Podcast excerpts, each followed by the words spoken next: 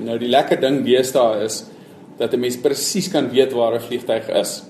20 of 30 jaar gelede was dit nodig om van punt tot punt tot punt tot punt te vlieg. So byvoorbeeld as mense hier van Pretoria af Kaapstad toe wou ry, dan het jy uh Grasmeer toe gery en dan het jy Welkom toe gery en dan Bloemfontein en dan ehm um, Sutherland en dan Wolseley en dan Kaapstad. Hmm. Deesdae is dit glad nie meer nodig nie. Jy kan op 'n spesifieke plek opstyg en jy kan reguit na jou bestemming toe vlieg en jy kan daar gaan land. Of hulle kan vir jou sê ry so 'n bietjie die kant toe en sê vir die ander ry so 'n bietjie die kant toe en dan kan daai twee ouens uitmekaar hou al is hulle redelik naby aan mekaar sonder dat jy nodig het om verskillende eh, bakens op verskillende plekke neer te sit.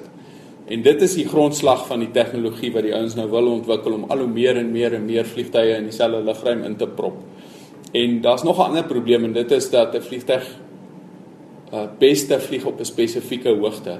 En daai hoogte hang af van hoe warm dit is en hoeveel brandstof aan boord is en hoe swaar hy is en so aan.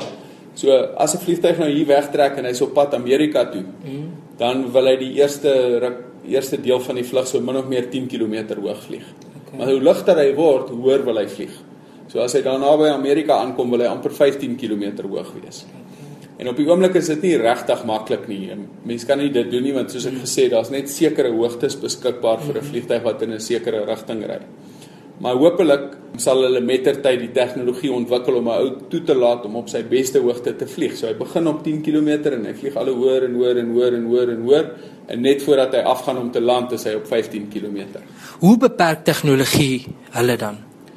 Die op die oomblik is die tegnologie beperk deur die feit dat jy die druk baie akkuraat moet kan meet om te besluit hoe hoog die vliegtyg is.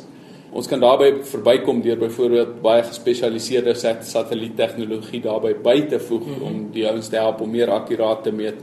En dan soos ek gesê het, links en regs is dieselfde ding waar in die ou dae kon ons nie presies bepaal waar die vliegtyg is nie. Nou kan ons presies bepaal waar die vliegtyg is.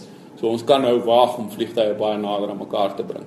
So dit is tegnologie wat gaan oor die posisie van die vliegtyg. Dit is op satellietnavigasie gebaseer en ook op die vliegtyg self want daai vliegtyg moet nou so akkuraat vlieg op die pad wat vir hom toegeken is.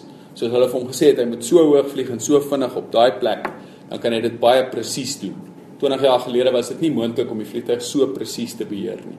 Watter ander uitdagings kom voor in die bedryf? Mense sien baie keer in die pers prentjies van vliegtye wat net 'n groot vlerk is of uh, engines op snaakse plekke of snaakse vorms het.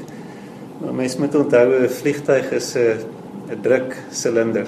Die druk daarbo is uiters min en die druk binne in die vliegtyg word redelik normaal om 80% van seevlak druk gehou. En dit sit baie spanning op die vliegtyg. So al lyk die vorms ekonomies in terme van brandstofverbruik is dit moeilik om 'n struktuur te bou wat so lyk en wat die groot drukverskil kan hanteer. Ehm um, vandag sien ons nog baie eenvoudige ronde vliegtye. Die Airbus 380 is een van die min wat nie heeltemal rond is nie.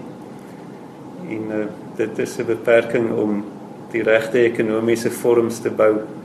Watter vorm is eintlik die beste sodat hy uh, funksioneer so optimaal as moontlik? Wat sou daai vorm wees? sal waarskynlik net 'n vlerk wees met engines iewers weggesteek in die vlerk en 'n slim rekenaar om te beheer.